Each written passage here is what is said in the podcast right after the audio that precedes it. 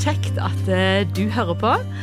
Og endelig så sitter jeg her med en kjekk gjest. Dette har jeg gleda meg til. Velkommen til deg, Odd Arild Sævik. Tusen takk. Ja, veldig kjekt at du hadde lyst til å komme på besøk på denne podkasten. Det har jeg gleda meg til. Ja, det er jo for spørsmålet til å delta på Bare damer. Det kan vi ikke si nei til. Nei, det er Ja. Det, det, det med navnet er jo en ting jeg har fått mye tilbakemeldinger på, så det jobbes med. Mm, det kommer til å bli en navneendring, så det er ikke bare damer. Det er betryggende. Ja, dette er for alle. Du, eh, Odd Arild, det er ikke sikkert eh, alle kjenner deg så godt som jeg gjør. Eh, men eh, jeg kan presentere deg litt. Eh, Odd Arild Sævik, du er Hvor mange år er du? Det vet jeg faktisk ikke. Hva, hva tror du, da? Nei, 27? Nei. Nei, jeg er 20-30 år. Ja, 30-20 år. Snart 40. Nei, det er lenge til. Jeg er veldig ung, rett og slett. Ja, OK. Uh, ja, nei, men du er ja. Uh, og du er Veabu. Ja. Uh, bor her på Vea, og så er du gifte. Eh, og har, har ei veldig kjekk kone og har eh, tre små unger. Eller du er i småbarnsfasen, kan vi vel si. Det kan du trygt si. Ja. Ja. ja.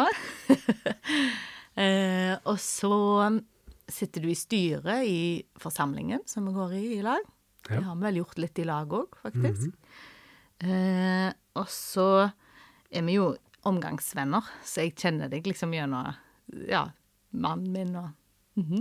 Det er vi, og Ja. det setter jeg voldsom pris på. Må Ja. si det. Det er gjensidig. Eh, men også jobber du eh, i en litt annen eh, verden enn det jeg gjør. Du befinner deg i næringslivet. Ja, Ja. det gjør jeg. Ja. Jeg, jeg jobber i et selskap som heter Human, ja. og vi driver med rekruttering og lederutvikling. Mm. Du er vel daglig leder der? Ja, Ja. det er jeg. Mm. Sjefen, ja. Ja, og så er du jo jeg, jeg må si det, da. Du er en litt spesiell mann. Takk. Det er sånn kombinert fornærmelse og kompliment. Ja. Ja, jo, takk for det. Ja. jeg kan si det fordi jeg kjenner deg. Ja. Ja, ja, Og så vet jeg at du blir ikke fornærma fordi om jeg sier det. Jeg Men du er, det. du er en litt spesiell mann. Ja. Kan du greie litt ut? Kan du, Ja, jeg skal, jeg skal ikke overta det, er du som skal stille ja, spørsmål. det, nå er det jeg. For nå er faktisk du gjest hos meg her, og så er det jeg som stiller Beklager, nå spørsmålene i skal jeg stoppe. Ja. Ja. da. Nei, så det blir sånn. Jeg har lov å si det. Koser meg litt nå i denne stolen her. Ja. ja, men det er bra. Nei, men du eh, Ja, jeg vet ikke om jeg skal si så mye mer eh, om deg, men vi har jo lyst til å bli litt mer kjent med deg da, Daril. Ja. Ja. Og jeg har to spørsmål som jeg alltid stiller til de som er gjester på podkasten min, så vi kan gjerne bruke deg litt som utgangspunkt til å begynne å bli litt kjent med deg. Ja. For de som ikke kjenner deg. Det er gjerne noen som allerede kjenner deg, der, men ja. Men det første spørsmålet da, det er tid opplever du Guds nærhet? ja. Der, der det tror jeg jeg kan oppleve ganske forskjellig, egentlig. Mhm. Um, alt ifra å være på et møte der jeg lovsynger og tilber, da kan jeg kjenne på det. Mm. Men de sterkeste på en måte øyeblikkene, da, eller erfaringene, det tror jeg det har vært når jeg har helt alene. Eh, og gjerne når det har vært stilt rundt meg òg. I Karmøytunnelen har jeg opplevd det, når jeg har kjørt på jobb til Stavanger, liksom, og um, mange andre plasser, eh, egentlig. Og det, det har jo vært ganske viktig, da. Og så prøver jeg liksom å være bevisste på Guds på en måte objektive nerver. Altså det, det som faktisk er. Det at han er Han er jo nær meg, han er nær deg hele tida. Uansett Ja, om du føler det ja. eller ikke føler det. Mm. Og jeg tror gjerne det gjør det gjerne mer eh, tilgjengelig da, å kjenne på Guds subjektive nerver, eller det følebare, på en måte. Ja. Eh, Det er interessant. Så du sier egentlig at det, hvis vi bare er klar over at akkurat som Gud er der, uten at vi trenger å føle det, så er det lettere for oss å faktisk føle det. jeg tror det. Mm -hmm. jeg, Og jeg tror mange på en måte Ja, men jeg føler jo ingenting, eller jeg kjenner jo ingenting. Um, og så jager en liksom etter det, da. Mm. Men jeg tror jo at det er liksom en del av det å være kristen. Det inkluderer jo liksom alt vi er. Mm. Um, men det er noe med hvis vi liksom begynner å stresse med det, eller jage det, da tror jeg jo gjerne det kan bli vanskelig for oss. Mm. Så da tror jeg det er viktig å legge liksom det fundamentet, da. Mm. Eller den vissheten på en måte om at eh, Gud, du er her. Du kjenner meg. Du omgir meg. Eh, For det er en sannhet. Det er ikke bare en følelse. Mm. Men av og til så har vi jo en følelse av det. Mm. Og det er jo veldig fint og er viktig for mange. Så bra. Mm. Eh, Det neste spørsmålet da, Odd Arild, det er eh, om Jesus. Hvis du fikk lov å beskrive han liksom med bare ett ord, hva vil du si om han da? Nei, da ville jeg brukt ordet mer, eller mer. Mer? At han er Han er mer enn det jeg tror. Ja. Han er mer enn det jeg forventer at han er. Mm. Han strekker seg mer eller lengre enn det jeg tror. Når alle går så, og stikker, liksom, så står han igjen. Og når alle har gitt opp, når samfunnet har gitt opp et menneske, eller så har ikke han gitt opp. Så det at han er mer, da. Han er alltid mer enn det jeg tror. Han er alltid annerledes på en positiv måte, da. Ikke på en skremmende måte eller sånn lunefull måte, men på en god måte. Det var et litt sånn annerledes svar. Ja. ja. Vi kunne ikke svare A4 på det. Nei. Helst ikke. Nei. Nei, men det var veldig godt. Det var til ettertanke. Det syns jeg. Mm, takk, Odd Arild. Så fint. Kjempebra. Eh, men du, eh, vi sa litt om jobben din. Du jobber i, i næringslivet og eh, er en kristen, liksom. Mm eh, hvordan tenker du om det? Uh, altså, jeg ja, spør litt sånn Er det liksom uh, Treffer du mange ikke-kristne? Du gjør sikkert det? Ja, det tror jeg jeg treffer jo alle typer folk, for å si det sånn. Mm. Um, og mye flotte folk, kjekke folk. Um, så det, jeg syns jo det er utrolig kjekt. Ja, Men det er ikke så lett å være kristen da på en sånn, i en sånn en jobb, eller? Hva tenker du om det? Jo, jeg opplever det som eh, ganske greit, uh, egentlig. um, jeg kunne sikkert sagt voldsomt mye om, om det. Um, men jeg tror jo de fleste har sans for noe som er på en måte ekte, da, eller folk som står uh, for noen ting. Uh, men jeg syns jo det er gjerne er viktigere å være noe, eller vise at en er noe, framfor å fortelle at en er noe. Eh, eh, så det er jeg jo opptatt av, da. Men jobb er jeg, eh, og forholdet mellom tro og jobb, det er jeg ekstremt opptatt av, og har mange tanker om. Eh, Ja, Fortell litt om hvordan du tenker rundt det. For jeg tror, jeg tror mange av oss har det litt sånn at det, ja, på jobben så er vi nå der. På en måte å gjøre jobben vår, og så går vi hjem og så har vi kristenlivet litt for oss sjøl. Og det er ikke alle, ikke alle plasser vi føler Eller på jobben at vi kan snakke om det, eller Ja. Ja, og jeg, jeg vet ikke om det er det viktigste å snakke om det heller. Eh, Det har jo litt med ideene rundt hva er hva er det å gå på jobb, og hva er det å være kristen på jobb, og sånt. Eh, Jeg tenker jo kallet til en eh, kristen person når det gjelder yrkesliv, det er jo først og fremst å gjøre en god jobb. Det er det aller viktigste. En kan liksom En kan jo ha så mange liksom eh, kleine andakter i lunsjen, for å si det sånn, eh, en vil, men hvis en på en måte ikke gjør jobben sin, så, så har en jo liksom ikke troverdighet i det, da, tenker jeg. Um, men jeg tror, eh, jeg tror det er sånn som du sier òg. Altså, vi, vi har et problem med at vi tenker livet vårt som, et, som ei kake, liksom, med mange kakestykker, og der jobb er på en måte én del av det. Og så tenker vi gjerne at Gud er en del av et, et, et, kakestykke òg. Men det er jo liksom ikke sånn som det kristne verdensbildet er, da. For det er jo at Gud er eh, Gud er jo liksom hele kaka, eller hele kakebånd og full og alt i sammen. Eh, og så er jo vi lever vi jo på forskjellige arenaer. Så dette fikk jo jeg liksom litt sånn ble jo konkret utfordra på det når jeg jobba før i en kristen organisasjon. Det gjorde jeg frem til jeg var 5-26 år. Og så slutta jeg med det, og så begynte jeg å jobbe i næringslivet. Sant? Så det var jo veldig sånn eh, fint og flott det, da. Å jobbe liksom i en kristen organisasjon og bruke hele, hele arbeidstida si på det. Da var det jo viktig for meg å finne ut om jeg på en måte nå hadde eh, begynt på B-laget, på en måte. Nå, var, nå gjorde jeg ikke noe så viktig lenger for Gud, da. Og det tror jeg bare vi tar helt feil. Eh, og jeg tror at eh, Eh, kristne og den kristne kirka, egentlig, eh, har på en måte forsømt da, ideen om hvor eh, viktig arbeidet er, og at Gud bryr seg om arbeid. Eh, han bryr seg om det vi gjør fra åtte til fire. Eh, jeg hørte en gang det var en som sa en, i en bok jeg leste Han sa at eh, når jeg ble søndagsskolelærer, da drog de meg opp på podiet for å be for meg, for jeg skulle undervise unger 45 minutter i, i veka.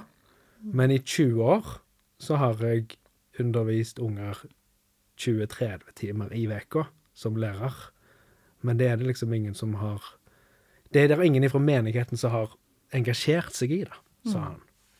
Og det tror jeg ganske mange kan på en måte kjenne seg igjen i det. Eller det viser mange undersøkelser òg. Det at eh, folk har ikke opplevd at pastoren deres spør dem om hvordan går det med deg på jobben din, eller hva utfordringer har du der, eller hvordan kan vi støtte deg i forhold til det.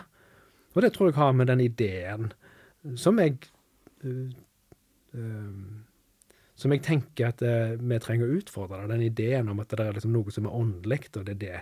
Altså Gud møter bare opp når det er liksom bibellesning og bønn. Gud er ikke engasjert i hvis noen står i en krevende situasjon på jobben, f.eks. Så der tror jeg Der, der uh, er det et eller annet. Jeg syns jo på en måte vi skal ha store fremodighet, store glede, arbeidsglede. Og tenke at det, når jeg går på jobb, når jeg mandagsmorgen klokka ringer og jeg er trøtt i trynet, men når jeg da går på jobb og gjør en jobb, så har det en stor verdi. Eh, ord for Gud, da fordi at han har skapt oss til det. Og så må vi jo si det, syns jeg er viktig å liksom ta med det, at det er jo det er jo folk som ikke kan jobbe, men som gjerne òg skulle ønske de kunne gjort det. Mm. Eh, og det må en selvsagt ha med i, i, tanken. Og så tror jeg at det er sikkert en, det er jo en grunn til at folk gjerne skulle ønske at de kunne jobbe. Det er fordi at det er et ganske sånn grunnleggende behov, da. Mm. Men det er jo det er 60 000 timer i livet ja. på jobb. Oi. Det er mye. Og hvis du på en måte hadde tenkt hvor mange timer bruker folk på eh, på bedehus eller i kirka eller i menigheten, på en måte, sant? så noen, noen klarer sikkert 60 timer, 1000 timer der òg, men uh, det er jo noe med at ting må liksom henge litt i hop, da, og der vi faktisk bruker mest timer. Mm. At vi ikke har et forhold til det, eller at vi tenker at det er først og fremst for å tjene penger, bare, så jeg kan betale regningene mine. Det, det er litt et for snevert syn, da, syns jeg, på, på arbeid. Mm, så Gud bryr seg om jobben din. Det er på en måte det du selger, og det du gjør på jobben. Ja, det er, det, det er jeg helt overbevist om. Mm. Altså, og det Når du liksom studerer Bibel og uh, dette med Gud som skaper, da, den skaper ting uh, Ordlett hvordan Gud vil ha velfungerende samfunn så ser du på en måte at det er jo, det er jo en, altså alt dette store liksom, maskineriet da, som kalles et samfunn, det, det, er jo Vi tar det jo for gitt. Vi tenker liksom at det, det er bare sånn det er. Selvsagt så har vi liksom en skole, vi har et helsevesen, vi har et bankvesen. Um, nå fungerer jo samfunnet vårt liksom i Norge voldsomt godt, uh, men det gjør det jo ikke alle plasser i verden. Og det har det jo ikke gjort til alle tider heller. Men det at et godt samfunn er noe som Gud Altså, Gud er samfunnsengasjert.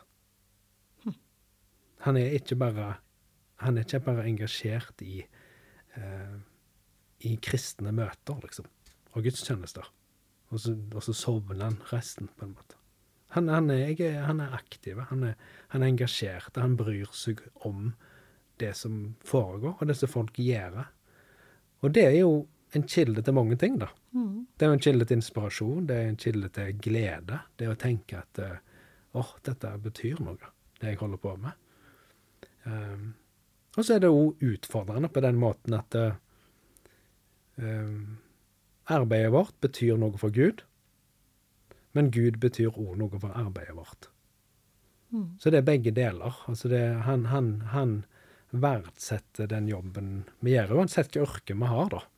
Mesten. Um, og så uh, Men det betyr òg noe uh, Hvis vi tror på Gud og vil følge Han og prøve å være Hans disipler, så, så får jo det òg påvirkning på hvordan vi gjør jobben vår. Mm. Men du, hvordan ser det ut da, da på en måte på jobben din? Hvordan utøver du trua di på jobb? Hva involverer du Gud i, på en måte, eller hvordan kan jeg Ja. Jeg prøver jo å involvere han i på en måte alt. Jeg, jeg prøver jo eh, Jeg, jeg har iallfall en jeg en tankegang og på en måte en holdning til at uh, jeg kan spørre han om råd i, i absolutt alle beslutninger. Jeg tror ikke det er liksom noen beslutning han eh, helst vil ha seg frabedt å bli spurt om råd. Så er det jo sånn at alle ledere opplever jo eh, å måtte ta vanskelige valg og beslutninger. eh, under stor usikkerhet, ofte. Så da på en måte kunne søke visdom, da. Nå vet jeg ikke om jeg, om jeg har fått så voldsomt mye av det, men du kan iallfall søke om det. Eh, det prøver jeg på. Og så prøver jeg å være bevisst på at jeg ønsker å uh, møte folk da på en god måte. mm. Men jeg driver ikke og liksom prakker ting på folk. Uh, jeg deler liksom ikke ut traktater eller uh, sånne ting. i, ikke at det er noe gale med det, men jeg tenker folk må få lov å invitere gjerne både til samtaler og til sånne ting litt sjøl. Møte folk med respekt. Eh, så det handler nok eh, mest om å prøve å ha noen verdier, da, og ha en integritet på en måte i det en holder på med. Mm. Men opplever du oi, at Gud kan på en måte svare deg da i konkrete Altså du ber han om råd på ting i jobben din, liksom, og så kan han svare? Liksom? Får du, får du svar? Veilede? Ja, det tror jeg eh, Ikke alltid. Ikke så ofte som jeg gjerne skulle ønske eller trengt. hvordan virker det, da? Da sier han ja, og da, Hvordan, svarer han det? Hvordan vet du, liksom? Ser det, dette ut? det er litt vanskelig å forklare, syns jeg. Litt, Ja. Um, nei, Av og til så kan det jo være at det kommer via noen andre, ganske sånn presist og uventa. at hvis du går og tenker på noe, så Så ingen andre vet noen ting om. Eh, og så plutselig så får du Møter du noen som sier noen ting. eh, som du blir på en måte overraska. Hvordan visste du det? Eller hvor hadde du fått det fra? Eh, og så må en jo bruke liksom fornuften og tenke at den nå ikke er noe annet enn eh, nødvendigvis enn Guds eh, ledelse og sånt. Men jeg tenker det, det er iallfall viktig at vi øver seg i å involvere Gud i alle ting, da. Mm. Eh, Mm. og tro, tro han for at han faktisk vil det, da. At han faktisk er interessert. Jeg tror det, er det som er Mm. ofte vi, vi tenker at dette bryr sikkert ikke Gud seg om. Mm. Eller eh, hva vi skal gjøre her. Eller hvis du driver med, hvis du driver med noe teknisk, da, eller teknologiutvikling, -hmm. uh, og prøver å finne en løsning på noe, så, så bryr Gud seg om det. Altså, kan, kan han gi sånn type uh, innsikt og kompetanse? Og det tror jeg. Mm. Han har skapt alle ting. Han, eh, han, er, han er himmelens og jordens skaper. Mm. Alt som er godt, kommer ifra han. Eh, Det står i Gamle testamentet, når de bygde tempelet, så sier Gud at de skulle velge ut folk som var dyktige i forskjellige typer håndverk. Og det som er interessant, er jo at det der står at Gud har gitt denne personen den kompetansen, eller de ferdighetene. Og det er jo en måte å tenke på som gjerne er litt sånn annerledes. For vi, vi tenker liksom at hvis noen er dyktige eller flinke til noe, så er det bare at de er flinke. Eh, Mm. Men en annen måte jeg tenker på, er jo liksom at eh, kilden til alt som er godt, kilden til kunnskap altså um, Det er ingen som kan mer om medisin enn himmelens jordens. Det er heller ingen andre som kan mer om arkitektur eller konstruksjonsteknikk enn himmelens jordens som har skapt de fysiske lovene, og som er over de, og opphavet til de. Og da er jo liksom spørsmålet hvorfor skal vi tenke at han ikke kan noe om det? Ja. Ja. Stilig. Mm. Ja. Eh, jeg, jeg, kjenner meg litt igjen i dette. Jo, at det, det som du sier om eh, at det, det, hjelper jo mange ganger bare å dele det med Gud. Altså involvere han. ja. Selv om ikke jeg, jeg eh, får et svar, liksom, så kan Mm. det hjelpe bare å, dele det med han. Mm. At jeg ikke er alene om denne frustrasjonen eller dette problemet eller denne utfordringen.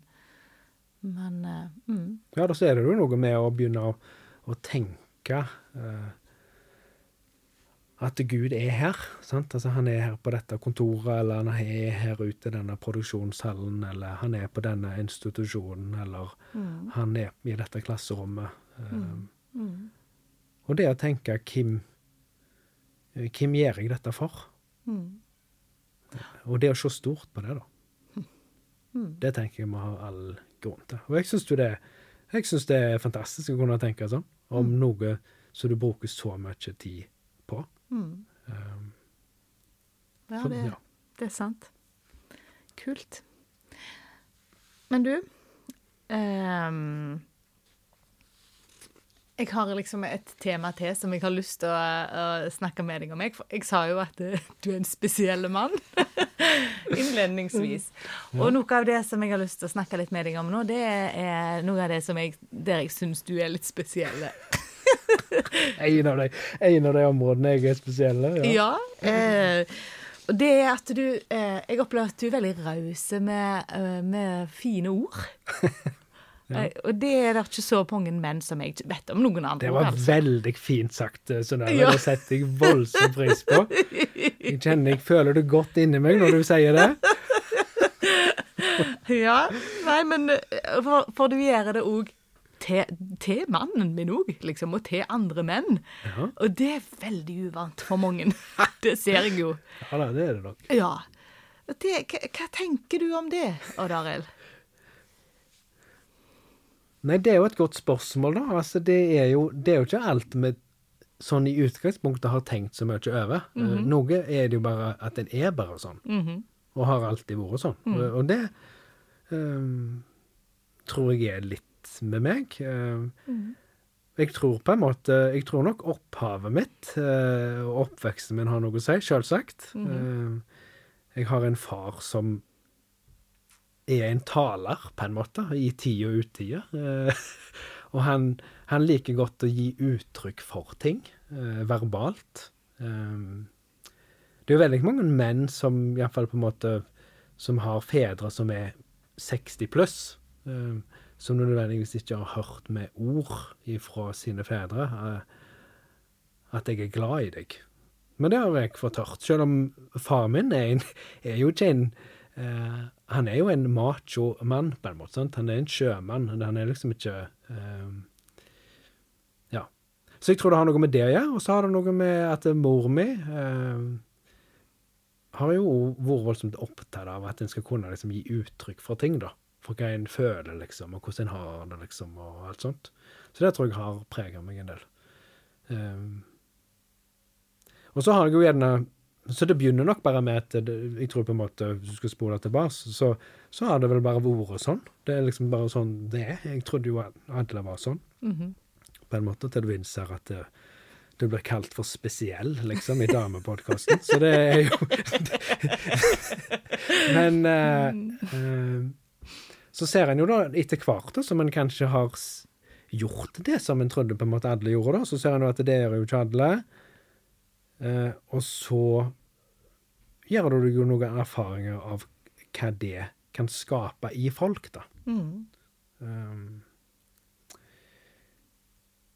ja.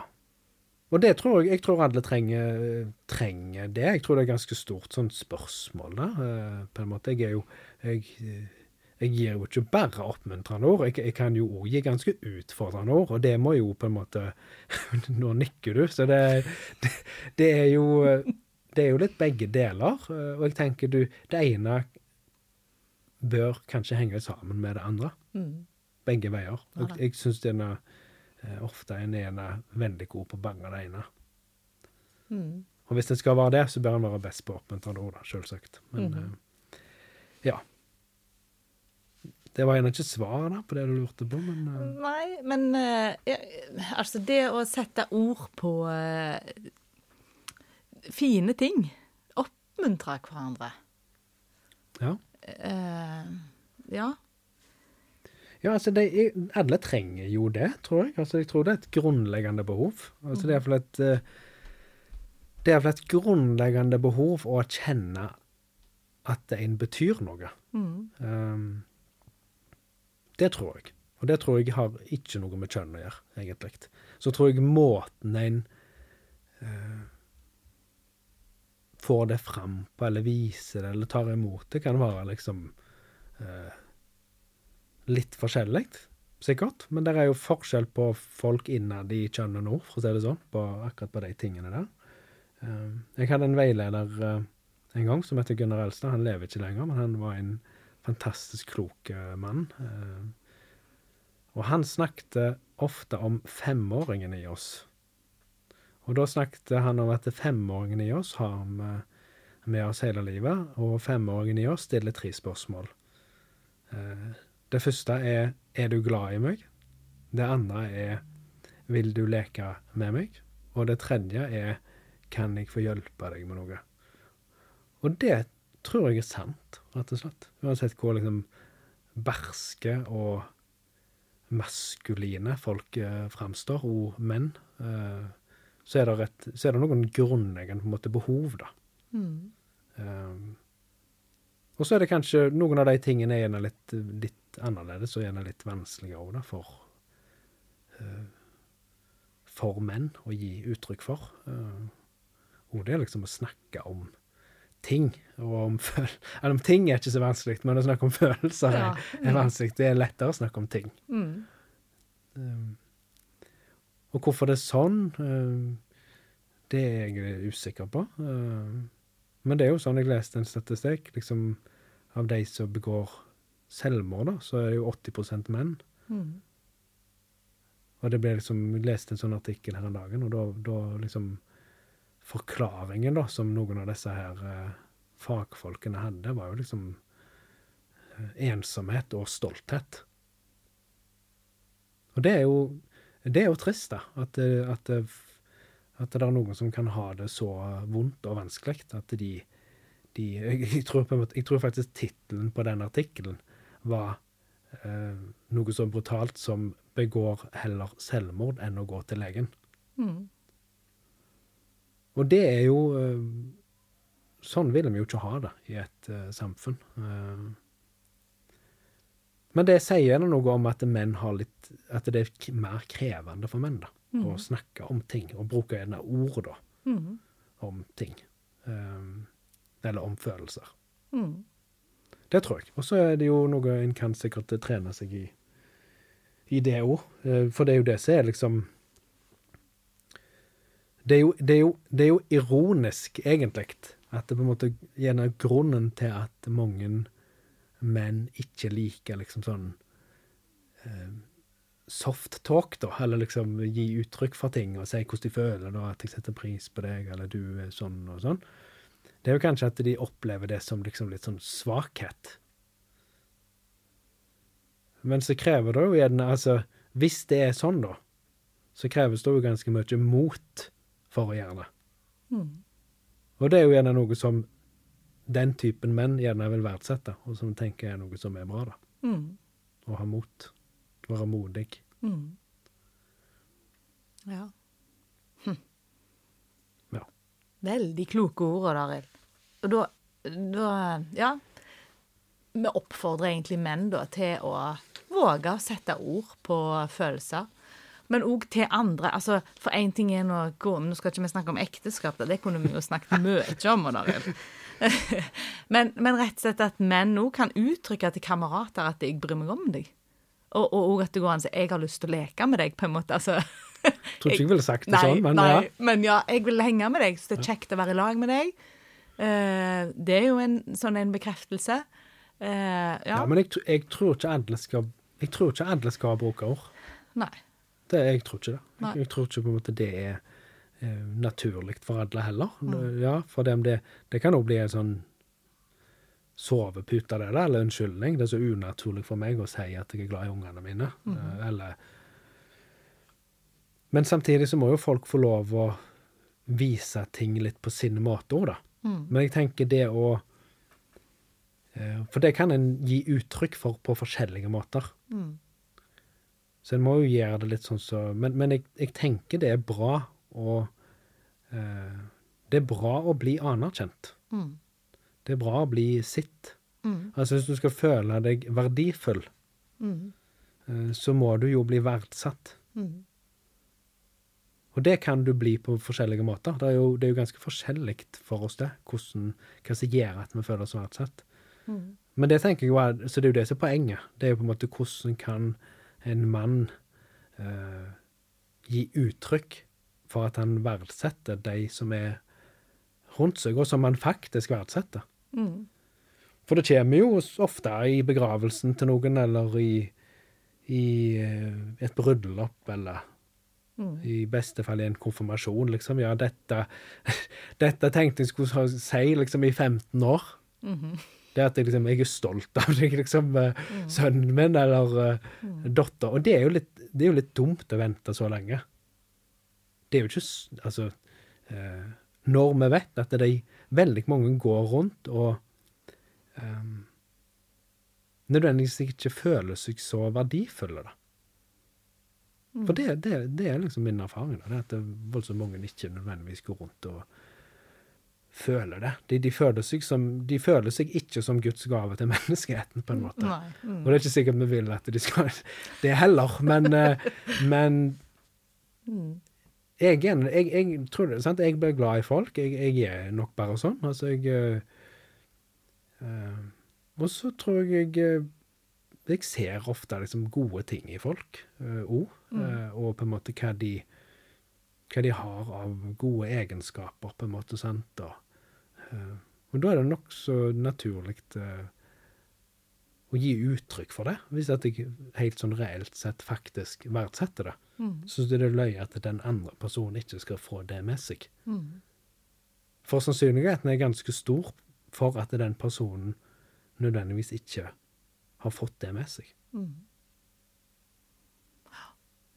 For det syns jeg er hvis du, hvis du sier noe til noen, at det, eh, faktisk eh, det å være i lag med deg betyr mye for meg, eller du, du utfordrer meg på en god måte, eller du eh, For det er jo ikke bare sånn mm, stryke med hårene, dette heller. Jeg tenker Det er jo liksom noe med det å være ekte og ærlig med folk, egentlig. Mm. Ja, altså sårbar òg, tenker jeg, for du sa noe om det og altså, Kan jeg få lov å hjelpe deg med noe? Mhm. Eh, og det òg er jo hvis at du skal ta imot hjelp, eller be om hjelp, på en måte.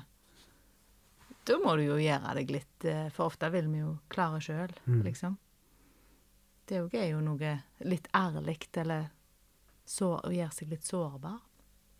Ja da, og det er jo, det er jo ydmykende det for de fleste. Det, det tror jeg jo, at vi kan kjenne på det.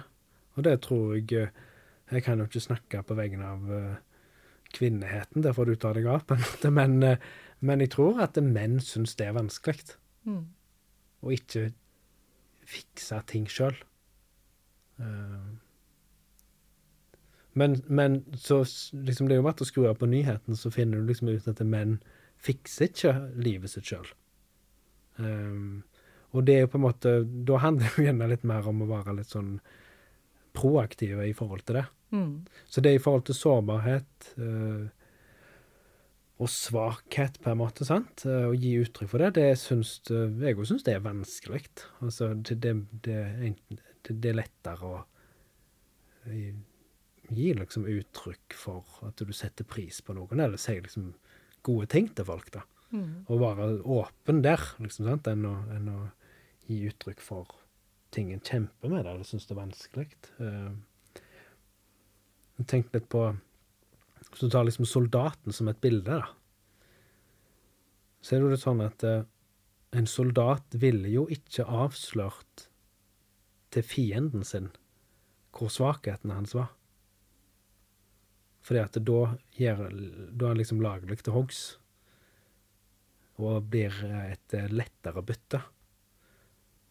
Men en god soldat ville nok gjerne at eh, hans medsoldater visste både hvor han hadde sine styrker, men også hvor han hadde sine svakheter. Sånn at de kunne eh, backe han opp på de tingene der han var svakere, på en måte. Og der han kunne bakke de andre opp. Og det er jo litt sånn, da. Det handler jo litt om brorskap, på en måte, hvis vi skal snakke om menn, da. Som, Mm. som på en måte eh, støtter og hjelper hverandre, og som òg har behov for eh, en venn i nøden, og en, eh, noen, som, noen som kan liksom støtte dem, da. Mm. og utfordre dem Mm. på hvordan det er. Det er altfor mange menn som har liksom alene hjemmefest. Altså der er, de er på en måte litt urørlige. På den måten at de ikke slipper folk inn. Det tror iallfall jeg. Altså det er på en måte litt sånn ingen adgang når det gjelder på en måte å komme for nærme, da. Mm. Det kan jo være mange grunner til det. Det kan jo ha med stolthet å gjøre, det kan ha med frykt å gjøre. Mm. Um, men jeg tror de aller fleste opplever at de blir på en måte bedre utgaver av seg sjøl, da. Hvis, hvis de våger å slippe folk litt innpå. Mm. Så det tror jeg på. Det tror jeg, en, det tror jeg er en god ting. Mm. Ja. Tørre å slippe folk innpå. Vise sårbarhet. Ja. Ja. Gjør du det? Viser du sårbarhet til kamerater og kollegaer? Ber om Ja, hjelp? av og til gjør jeg det. Mm. Um, Øver deg på det når du ja, jeg gjør det. mm. Uh, men jeg, det som jeg uh, gjør mer enn det, det er på en måte å la folk få utfordre måten jeg prioriterer og velger på. ja. Og lever på. Hvordan da? Nei, ved at hvis jeg står uh, Hvis jeg står i i forhold til valg, står overfor valg og prioriteringer, hvis jeg skal gjøre ting, hvis jeg skal disponere Måten jeg forvalter pengene mine på, talentene mine på, tida mi på eh, Så lar jeg jo noen få mene noe om det. Ja. Det er ikke sånn back off, dette er mitt liv. Nei. Det er heller sånn vær så god, syns, hvordan skal synes du om dette? Mhm. Er dette, er dette rett? Mhm. Og så vet jeg at jeg er langt ifra fullkommen på noe vis. Så jeg trenger jo en del sånn Jeg trenger pushback. Jeg trenger at noen utfordrer meg. Og trykker opp på de tingene det senere ikke er så Så jeg er ikke omgitt av en heiagjeng. eh, Snar, ikke snarere tvert imot, men, men jeg, jeg, jeg, jeg har noen rundt meg som sier sannheten. Mm. Eh, og da forhåpentligvis er det noe som er godt, som er sant. Og så er det noe jeg trenger en å utfordre meg på. sant? Eller 'Hvorfor gjorde du det?' liksom? Eller hva, hva holder du på med nå?' Eller um, Så jeg husker det var en eh, god venn av meg som jeg tror jeg jobba litt mye, for å si det sånn, i en periode. Det har vel hendt eh, mer enn én gang. Mm. Eh, så var det liksom, ja, vil jeg dette, liksom, eller hvor viktig er jobb? Ja, jobb er jo viktig, det har vi snakket om i forrige kapittel her. Mm. Men så er òg familie viktig. Mm. Og dette med balanse i livet er Mm. jo da det viktigste, for det er det som på en måte får begge de to tingene til å henge i hop. Mm. Men jeg klagde liksom på det, da. Litt sånn Uff, jeg jobber visst litt mye nå, liksom. Jeg vet ikke om jeg vil dette, liksom. Så da sa han liksom Ja, har ikke, Katti, har du tenkt noe å gjøre noe med det, da? Mm. Dette har jeg jo hørt om i Og det er jo litt, litt sånn halvstivt syrlig, kanskje. Mm. Men jeg setter jo voldsomt pris på det. Mm. For en kan jo fort eh, En har jo liksom lyst til å forsvare seg sjøl overfor seg sjøl òg, ofte. Mm. Ja, for her er du litt spesiell, og der som tar imot liksom kritikk eller utfordringer på den måten, da. Men jeg tenker det er et forbilde. Det er spesielt på en god måte. mm. ja. Kjente blir superspesiell jeg, nå etter Ja. denne samtalen. Ja, Det, ja, det er bare sære på det sære. Det, Men, eh, det er han spesielle. Men du, sier du er så spesiell. Jeg tror vi må gå til en avslutning nå. Jeg har jo lyst til å be for deg. ja. Men har du noe mer du har lyst til å si, Ja, der er det noe mer du Er det noe usagt nå? Å, det er mye. Ja, det er det. Nei, det er én ting jeg har lyst til å si, og det er jo litt i forhold til Jesus, da, som sant menneske, sant Gud. Han var en mann. Det er kanskje ikke det viktigste at han var det, men, men jeg syns på en måte han er et bra ideal, da. Mhm. Fordi at eh, det er få som på en måte har utvist en sånn styrke og kraft og litt sånn, hva skal du si, klassiske maskuline egenskaper, da. Han hadde jo et enormt mot. Han var ganske fryktløs. Han gikk i rette med eh, de som hadde makt. Og samtidig med det så var det jo ingen som brydde seg så mye om de utslåtte, de fattige. Det var ingen som så folk eh, på den måten som han så folk. Så den her sånn dobbeltheten, da. Mm. Han var liksom ikke bare en sånn uh, kosebamse, liksom, sant? Mm. Men de fleste maleriene har en jo liksom stritt hår, eh, og ser ut som han har brukt liksom ansiktskrem i de siste 20 åra. og han, han ser liksom Han ser jo mer ut som han jobber på kontor, eller enn at han var en snekker, liksom. Uh, men det er jo noe med det der bildet av Jesus som en som var Som hun var liksom litt sånn tøffe, da, hadde mot. Mm. Og det ene liksom utelukker ikke det andre, og det er jo det som er poenget. Mm. Det er jo noe med å ha denne dobbeltheten. Favne vidt. Det er å tenke både og. Mm. Du trenger liksom ikke være en pudding, selv om du gir uttrykk for at du setter pris på noen. Mm. Du trenger ikke være en sutrekopp, selv om du bryr deg om folk som ikke har det lett, og gir uttrykk for det. Ja. Nå skal du få lov å be for meg, for det vil jeg gjerne at du gjør. ja, takk. Da eh, gjør vi bare det. Gode himmelske Far, jeg har lyst til å takke deg for Anna og Daril. Takk for eh, den stunden vi har hatt i lag nå. Her Herre, jeg bare ber om at du må velsigne han og Arild videre. Jeg ber om at du må gi han det han trenger. Jeg har lyst til å be for han i jobben hans som daglig leder i Human. Ber om at du må lede han i små og store avgjørelser på den arbeidsplassen. Ber om at du, Herre, leder han i familien. Ber om at du er med han i rollen som pappa til ungene sine, og som ektefelle, møte med kona si.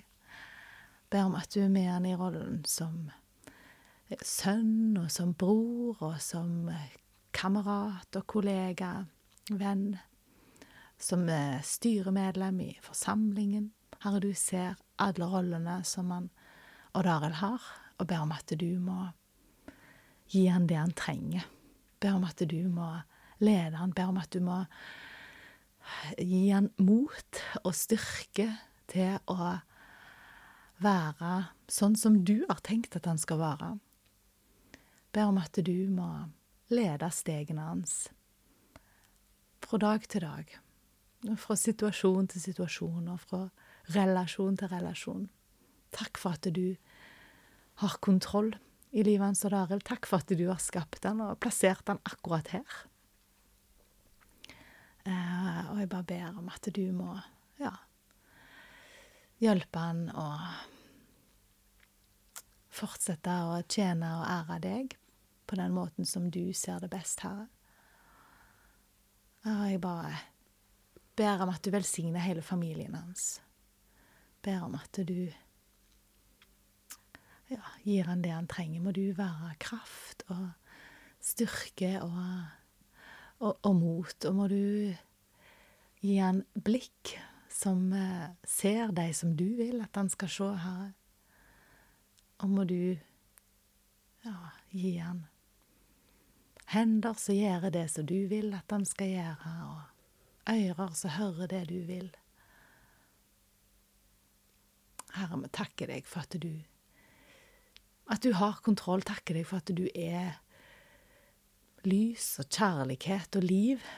Og takk for at du At vi kan få stole på at du vil lede oss.